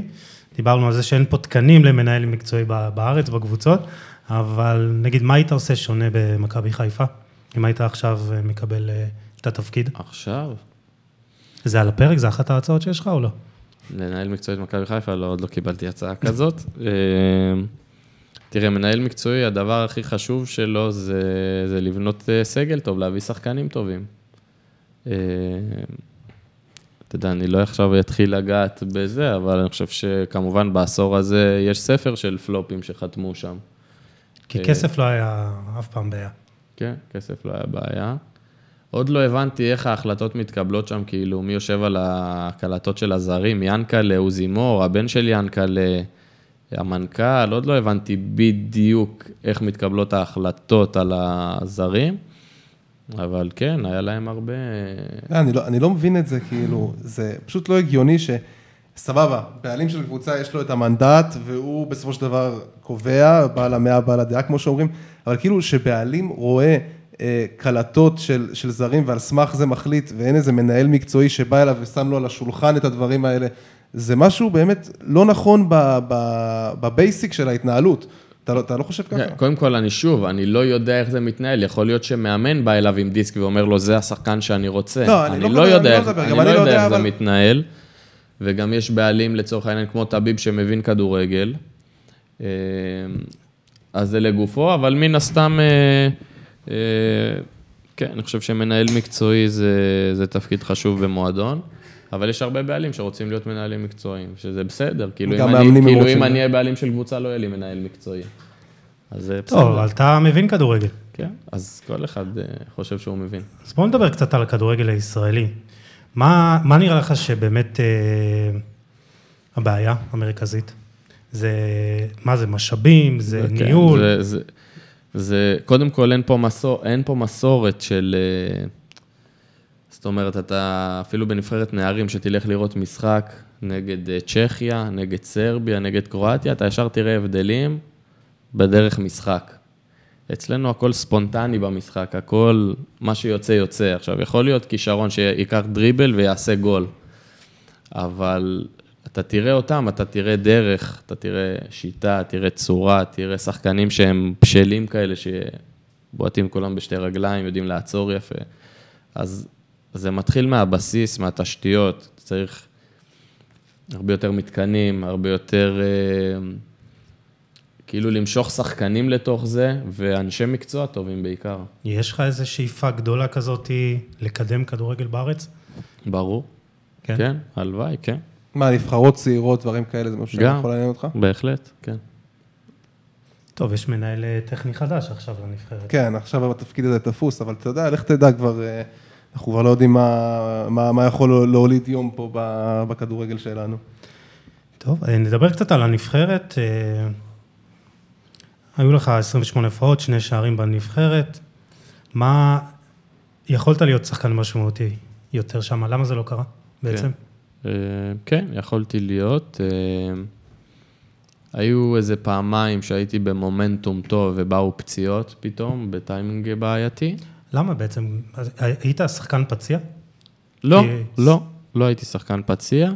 היו לי כמה פציעות שהיו ארוכות, לפעמים אה, הפציעות היו ארוכות בגלל הבחנות לא נכונות, ואז הפציעה נמשכת. אז בהחלט עברתי כמה פציעות, אבל אני לא, לא, לא יותר משחקן ממוצע או משהו כזה, לא חושב. בנבחרת היה לי פעמיים פציעות אה, שהייתי בדיוק שחקן הרכב ודומיננטי וזה, וזה עצר לי. אה, כן, אה, נבחרת זה אחת, אתה יודע, שאתה, יש לך קריירה, זה אחת המטרות לסמן ויזה על נבחרת. לשמחתי הייתי שם, גם אה, חוויות ו... ספר לנו איזה חוויה שלא תשכח. לא, כמובן, היה את המשחק נגד בוסניה בסמי עופר מול 30 אלף שמאחורי המדינה, והלחץ במשחק נבחרת זה לא לחץ של קבוצה, זה כל המדינה עליך, זה לא קהל אוהדים מסוים, זה כל המדינה עליך ותקשורת מטורפת.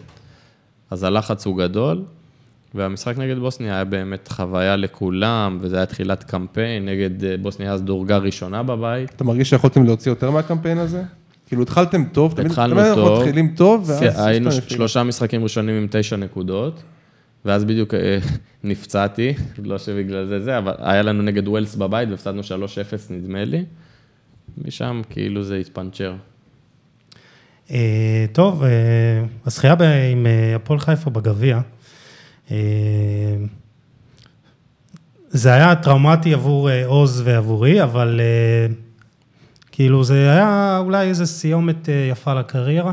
כן, אין ספק. קודם כל, שחזרתי להפועל תל אביב וסגרתי מעגל אחרי 13 שנה שעזבתי שם, לא דמיינתי בכלל שאני אזכה איתם בתואר. וזכינו בגביע, וב-2004 שהייתי שם, זה היה גמר גביע הראשון שלי, הפסדתי אותו. כן, 4-1 לסכנין. נכון.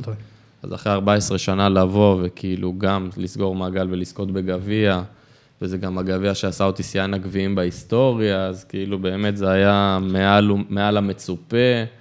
אפילו הבן שלי, שהיה אז בן אה, ארבע אולי, משהו כזה, בא, התלבטתי אם להביא אותו למשחק, זה היה בטדי. אמרתי... יש לך משהו עם האצטדיון הזה. כן, אמרתי, אין, אמרתי, רוב הסיכויים שלא ננצח. המשחק שיגמר, ייגמר ב-11, 12, עד שהוא יהיה בבית, עד שהוא יישן, אני כזה, אתה יודע, יקה שבשמונה הוא במיטה. אה, ספר לי אחר כך איך אתה מרדים את הילדים, אני גם צריך אבא, פולני. כן, בדיוק. ספר לי. כן, הורים, אה, אנחנו הורים, אתה יודע, לפי הכל מתוכנן. ובסוף כן החלטתי שהוא יבוא, כי אמרתי, מי יודע, עוד, מתי, עוד כמה פעמים אני אשחק בגמר גביע. ולשמחתי הוא היה, והוא זוכר את זה, וחווה את זה עם בכית, אשתי. בכל, בכית בכל גמר גביע ששיחקת בו. כמעט, כי לשמחתי שיחקתי בהרבה. איפה בכית הכי הרבה? כן, ובאמת אה, אני מופנם וכאילו אדיש, ובסוף אה, אני זה שבוכה הכי הרבה. היה את הגמר נגד אשקלון, אני זוכר, נכון, בהפועל תל אביב, אחד נכון. לך זיכרון טוב. פנדלים, אני זוכר את גילי בוכה שם בפנדלים. בואנה, זה, אתה היחיד שמזכיר את זה, כי לא שמו לב לזה. אנשים. באמצע הפנדלים בכית. בן אדם רציני פה. כן, אה, אז באמת אה, ככה זה רגע, יוצא בגלל לי. שהוא החמיץ או לא? לא, לא. לא, לא בעטתי האמת. לא בעט. לא, איך שניצחנו, לדעתי הפנדל המכריע, אני לא זוכר של מי זה היה, נשכבתי שם על הדשא, לא צילמו את זה כמו שעכשיו צילמו, בטדי צילמו את זה, ואני דווקא הלכתי, בשביל שלא יראו, כולם רצו לשיימן לחגיגות, אני הסתובבתי, הלכתי לצד שני, שלא יראו, ופתאום המצלמה נתפסה עליי, שזה גם תמונה מאוד מאוד מרגשת. וכן, כנראה אני, אתה יודע, אני גם מצד אחד אדיש ומופנם, ומצד שני אני כן רגיש. אה, אדם להב אה, רשם לנו עוד איזה שאלה. אה, איזה תואר הכי ריגש אותך? הכי משמעותי? כמובן מעבר לאליפות, נגיד. מעבר לאליפות, הגביע עם הפועל חיפה. אוקיי. אבל לי יש- הרגע של האליפות, הרגע של, סליחה, סליחה, אה, עוז, הרגע של האליפות היה הכי חזק. זאת אומרת, הכי, הכי מרגש. זה תסריט שאתה יודע, רק בסרטים רואים. ש... ש... לא היו מאז דרמות כאלה בכדורגל הישראלי. אה, זה קשה, קשה לייצר כזה, ששנייה אחרונה, שקבוצה שנייה משחקת במקביל. ו... זהו, שראיתי את הסרטון אחר כך, אה, אתמול בזה, ראיתי שהיה איזה כמה דקות של אה, ככה בטלפונים וזה, אה, איך, איך זה מרגיש? כאילו, אתם, כאילו, אתה עוד שנייה מתפוצץ כזה? כן, אתה, אתה מדבר איתי וזה כבר נראה לי היה, אתה יודע, 50 שנה אחורה. אה, כן, זה מתח אדיר, זה... זה... שמישהו הטעה אותם, הם כבר רצו התמוט- לחגוג לפני התמוטטות שהמשחק. עצבים, כן, מישהו שם... ואז לאללה, גורד... לאללה. גורדנה, נדמה לי, הוא, הוא לא היה בסגל במשחק כן, הזה. איזה חולצה ורודה. נכון, לו. נכון, נכון. והוא צעק כאילו נגמר, והייתה את כולם, ואז לאללה בא ואומר, עוד לא נגמר, חכו, וחלק כבר חוגגים. ו... אז לא היו מקבלים פושים לטלפון, כן, כאילו ש... בדיוק. יש לי שאלה ככה, בשביל לעשות סדר, אה, כי אני מרגיש שיש איזשהו פיל בחדר, אוקיי? מי הקבוצה, קודם כל, שאתה הכי מזוהה איתה? כי יש, יש את הפועל חיפה שגדלת בה, ויש את הפועל תל אביב, שזה כביכול מרגיש שזה הלב שלך. אז קודם כל, אני אשמח שתעשה לי סדר בעניין הזה, ואחרי זה יש עוד שאלת המשך. כן, התחלתי בהפועל חיפה, שזה היה הבית שלי, וסיימתי בהפועל חיפה, אבל לדעתי אני הכי מזוהה עם הפועל תל אביב. יפה. עכשיו, כשאני מדבר, יש לי גם חברים אוהדי הפועל, וקשה להם. גם כשאמרתי להם, אני מביא את גילי לאולפן, כאילו, יוסי מביא את גילי וגיל, אבל אה, אמרתי, הוא מגיע לאולפן, וחלק כאילו היו באי נוחות, ולא כל כך היו, לא, לא הייתה את ההתלהבות של היום, שאני מביא נגיד את אבי נימני, אז אוהדי מכבי תל אביב הם כולם מלאי גאווה. השאלה שלי, אם קודם כל, אם יש לך מסר כלשהו אליהם, ו- והאם אתה מרגיש ש- שקרה שם איזשהו פספוס ביחסים שלך לבין אוהדי הפועל תל אביב, עזוב את המועדון. ברור, אמרתי כבר, שאם הכל שם היה תקין ונורמלי, ולא היו בעיות כלכליות, והבעלים היו יציבים, אז ברור שלא היינו בכלל נכנסים לסיטואציה הזאת, ואני מעריך שהייתי פורש שם גם עכשיו, או העונה הבאה, עוד שנתיים. אבל היה מקרים, נגיד כמו, אני לוקח את זה למקום שלי, ברק יצחקי בביתר. הפועל תל אביב הציעו לו כפול, ממש כפול כסף, תעבור אלינו, הוא לא היה מוכן, כי, כי גם מעבר ל, לרמת הכסף והכלכלי, ולא משנה אם ביתר היו בצרות או לא, יש דברים שלא עושים מבחינתו לפחות. אז קודם כל אני אגיד שכל הזמן קיבלתי הצעות ממכבי תל אביב בהרבה יותר כסף, וכל הזמן ויתרתי על המון כסף. אני, אפילו ש, שהייתי בהולנד, שסיימתי בהולנד ואז חזרתי לארץ, זה היה בדיוק כשג'ורדי הגיע למכבי תל אביב, והוא רצה להביא אותי כרכש ראשון שלו, הוא הציע לי מעל, סביבות ה-35% יותר כסף. והיה לי ריב עם רונן קצב על זה, שעשה הכל שאני אחתום אצל ג'ורדי, והתעקשתי לחזור להפועל תל אביב. אחרי החתימה הזאת, כל חצי עונה עונה הייתי מקצץ בכסף ומעריך חוזה. כל פעם זה היה לי כאילו, בוא תקצץ 10-20 אחוז, תקבל עוד שנה, תקצץ את זה, תקבל עוד שנה, והייתי עושה הכל. באמת, אני חושב שאפשר להשוות אותי רק לעומר דמארי, שגם כל הזמן ויתר, ויתר, ויתר, ובאמת לא עבר לאף מקום עם כל ההצעות. יש לנו גם קצת אופי דומה בנאמנות, בצניעות, ב... בלא להיות כפוי טובה וזה. וכל הזמן ויתרתי, ו... וזה היה לי טבעי כאילו. היו, היו, היו מקרים שהיו באים אליי אנשים כל הזמן שידעו שמכבי מציעים וזה וזה, היו באים אליי נציגים של אוהדים, נציגים של הנהלה. כאילו, ההנהלה הקרובה היו מתים כבר שאני אלך, אבל הנציגים מסביב וזה שעשו הכל. ובאמת כל הזמן קיצצתי וויתרתי, עד שזה כבר היה מקום שאי אפשר יותר. הגענו לקו מסוים שמאוד דחפו אותי החוצה, ומאוד זה כבר לא, זה לא יכל להמשיך, אתה מבין? זה היה, אמרתי, כל הנסיבות הובילו לזה, ולצערי ככה זה יצא, מהבן אדם אה, הכי נאמן והכי לויאלי והכי אוהב את המקום באמת מבפנים, יצאתי הבוגד הכי גדול, שזה 180 מעלות ממני, אבל ככה זה, ככה זה יצא. אבל מי שיודע את הפרטים מבפנים, כמה ויתורים עשיתי בשביל המועדון. אז קודם כל מצוין שאתה מציף את זה כאן. והאם יש לך איזשהו מסר באמת לאוהדי הפועל? אין, המסר הוא בתשובות שאני נותן, אין לי מסר מסוים להגיד. אה, ושוב, כמו שאמרתי, 90% מהאוהדים שלחו לי הודעות מדהימות ומרגשות. אפשר לראות גם בצ'אט שיש גם, אה, אוקיי. גם חיובי. תשים לנו את זה שנוכל גם לראות וגם אה, לקרוא אותם, בבקשה. שאלה נוספת מניתאי פרץ, איזה טיפים אתה יכול לת- לתת לשחקן צעיר שעושה את, ה, ככה, את השלבים הראשונים שלו, על הדרך במחלקת הנוער, על המעבר בין נוער לבוגרים, מה אתה יכול, אה, איזה מסר אתה יכול להעביר לו? קודם כל, להאמין בעצמך. אה, הכי חשוב זה להאמין, ואם יש אה, הורים שדוחפים, שיתמכו, זה מאוד חשוב, ללוות, לתמוך. אה, אם זה ללוות למשחקים ולאימונים, אם זה לתמוך אה, מנטלית. אה, ולחלום, לחלום זה לא עולה כסף. מה עזר לך להתגבר על רגעים קשים במהלך האימונים, במהלך משחקים? אה, הרבה שיחות עם אבא שלי, שהיה סוכן, יועץ, פסיכולוג, הכל. ועבר את הקריירה הזאת ביחד איתי, החלום שלו היה להיות כדורגלן, והוא הגשים את זה דרכי. אה, אבל לא בצורה פושרית, דיברנו על זה גם לפני כן. אה, כן, יש יעקב ורמוט ויש יעקב בוזגלו, זה שני יעקבים שונים. אה, כן, הוא היה, אחרי כל משחק מנתחים את המשחק וחופרים על כדורגל, עד היום, כל הדרך לפה ניתחנו את דורטמונד סביליה ויובנטוס פורטו. אז כן, מנתחים את המשחק, וכן, אה, אתה יודע, בשלב מסוים גם אשתי נכנסה לתמונה, כי הכרתי אותה כשהייתי בן 25 בערך. אה, אז גם היא, שהרבה פעמים הייתה... אה, זאתי שמאזנת אותך? כן, אבא שלי יותר היה השומע וה...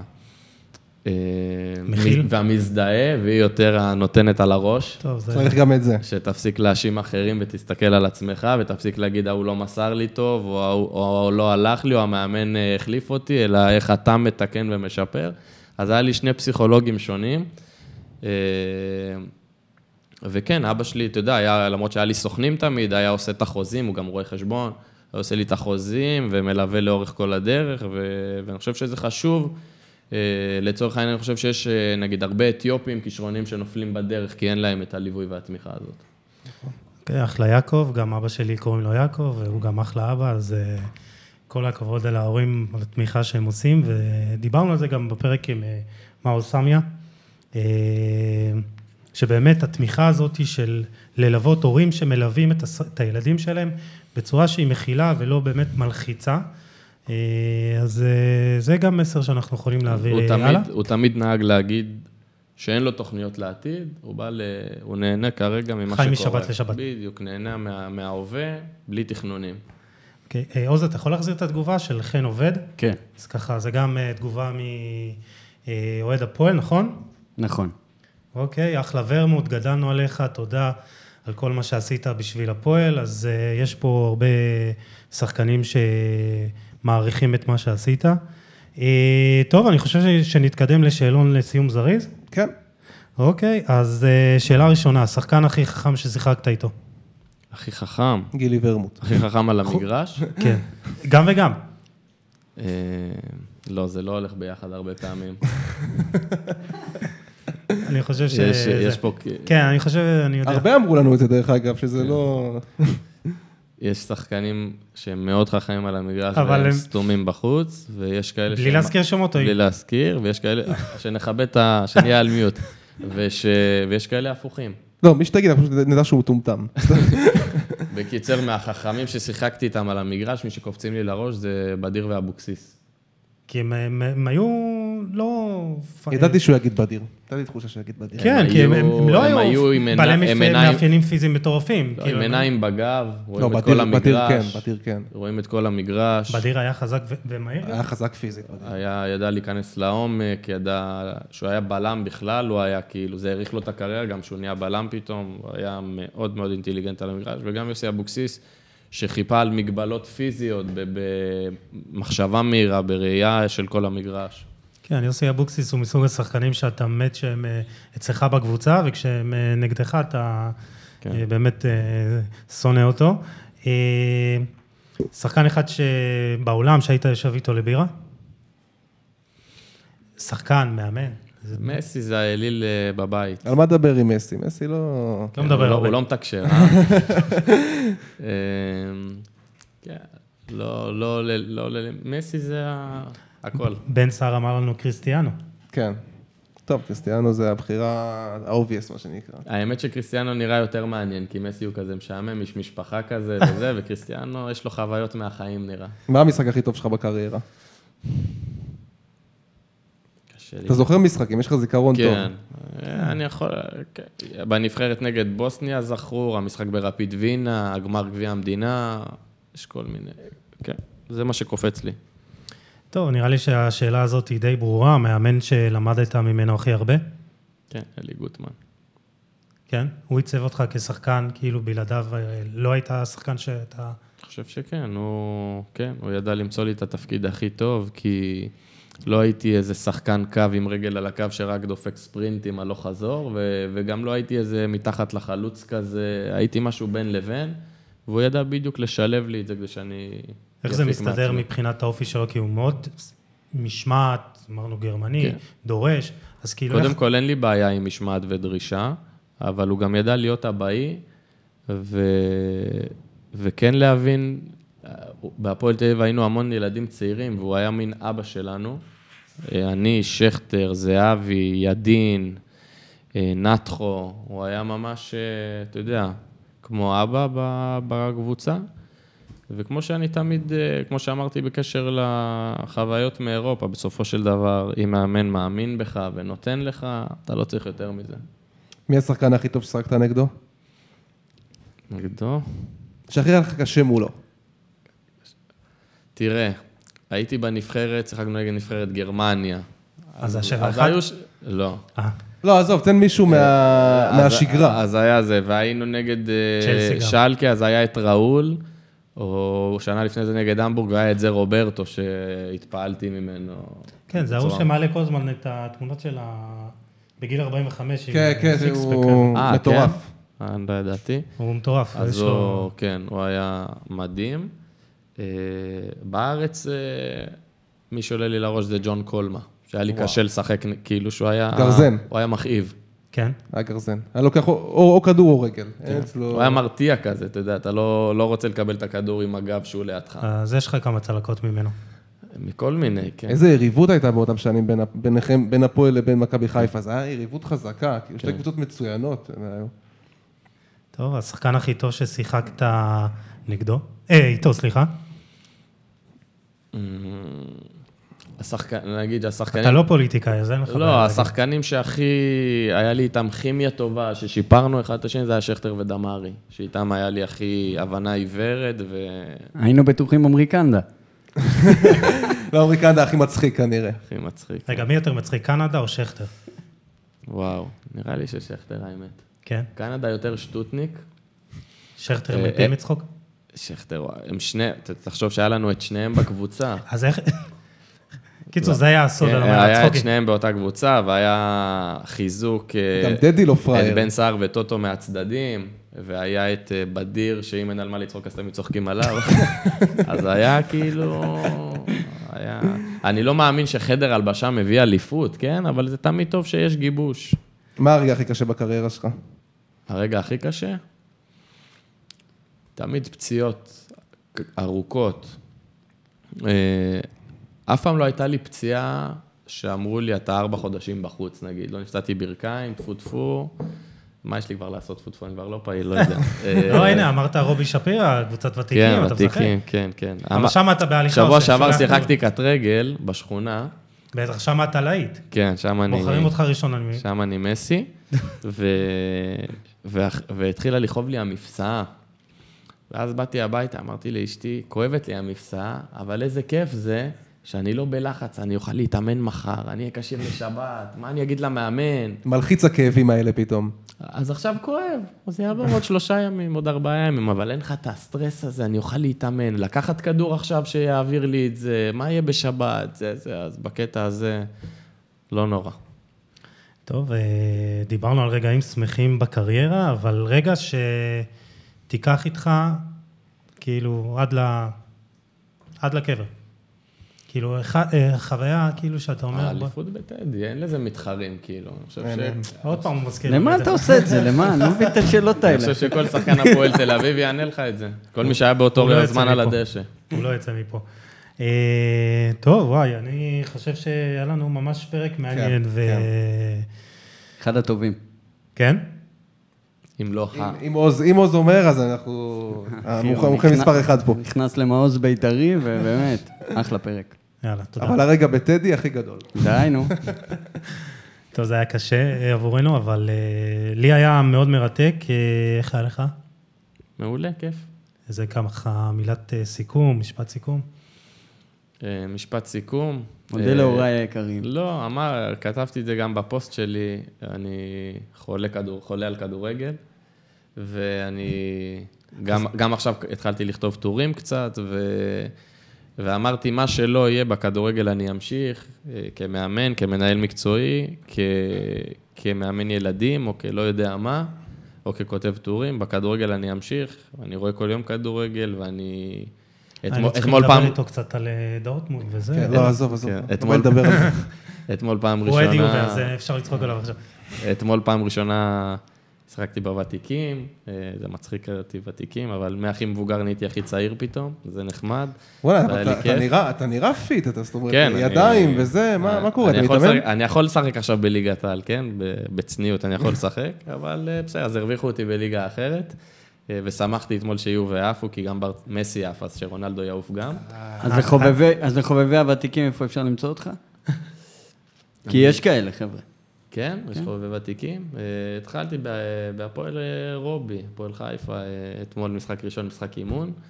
אה, כמה נתתי? רביעייה, אה, שפעם אחרונה שנתתי שלושה היה בנבחרת הנוער. זהו, זה מחזיר אותו לילדים במספרים. רביעייה ראשונה בקריירה. כן. רציתי- רציתי את הכדור אחרי המשחק. לבנדובסקי. זה זה לא עובד בוותיקים. שם... עד שהאפסנאי זרק עליך איזה נעל לראש. כן. זהו, אבל זה אהבה למשחק, זאת אומרת, מה אני צריך את זה, אבל זה אני כיף. יכול לקרוא לך לכדורגל בשכונה? כאילו, אתה תבוא? אה, אז זהו, עכשיו אה, בדיוק לפני כמה עכשיו ימים פתאום בא דיבר ביציאה, איתי, מביא לחבר'ה את ורמוט, כאילו, מה קורה? דיבר איתי לפני. כמה ימים שבחון, שהוא חבר שלי, ואנחנו מארגנים עכשיו עם כמה שחקני עבר אה, קט רגל. זה- אז אני אבוא לשפוט. מתי שאפשר זה זה כיף, זה... אתה עוד בקצב? כן, כן, בטח. יש כאלה שמסיימים ולא רוצים לגעת יותר בכדור ולא רוצים לשמוע וגם לא להסתכל בטלוויזיה, אבל אה, אני אוהב את זה. טוב, אז אה, גיל? וואלה, היה תענוג באמת אה, לשמוע באמת איך, איך אתה, איך, היה מעניין לשמוע איך אתה רואה את הדברים האלה, את כל מה שעברת, ובאמת, שוב, כבוד גדול לנו שאתה כאן, באמת, אולי השחקן הכי גדול שעד היום אירחנו, בלי לפגוע באף אחד. בלי לפגוע במסאי. לא, מסי לא, זה היה מסי זה לא בפודקאסט. אחר. אה, אוקיי, סליחה. אה, וזהו, היה באמת מרתק, ותודה רבה לך. תודה לכם. טוב, אה, תודה אה, גילי שהגעת לאולפן, ואני רוצה להזכיר לכם שאנחנו מקליטים באולפני פודקאסט סטודיו שבראשון לציון. עוז נקש פה אחראי על כל התפעול של הדבר הזה, ואני נפעם מחדש, כל פעם משפר עוד דבר ועוד דבר, אז עוז, תודה רבה. ולכם אה, צופים, מאזינים, תודה שהייתם איתנו, אתם אה, מוזמנים לשתף, לתייג ולהאיר את עינינו. אנחנו ניפגש בפרק הבא עם עוד תוכן מעניין, איכותי וייחודי. תשמרו על עצמכם, יאללה, ביי.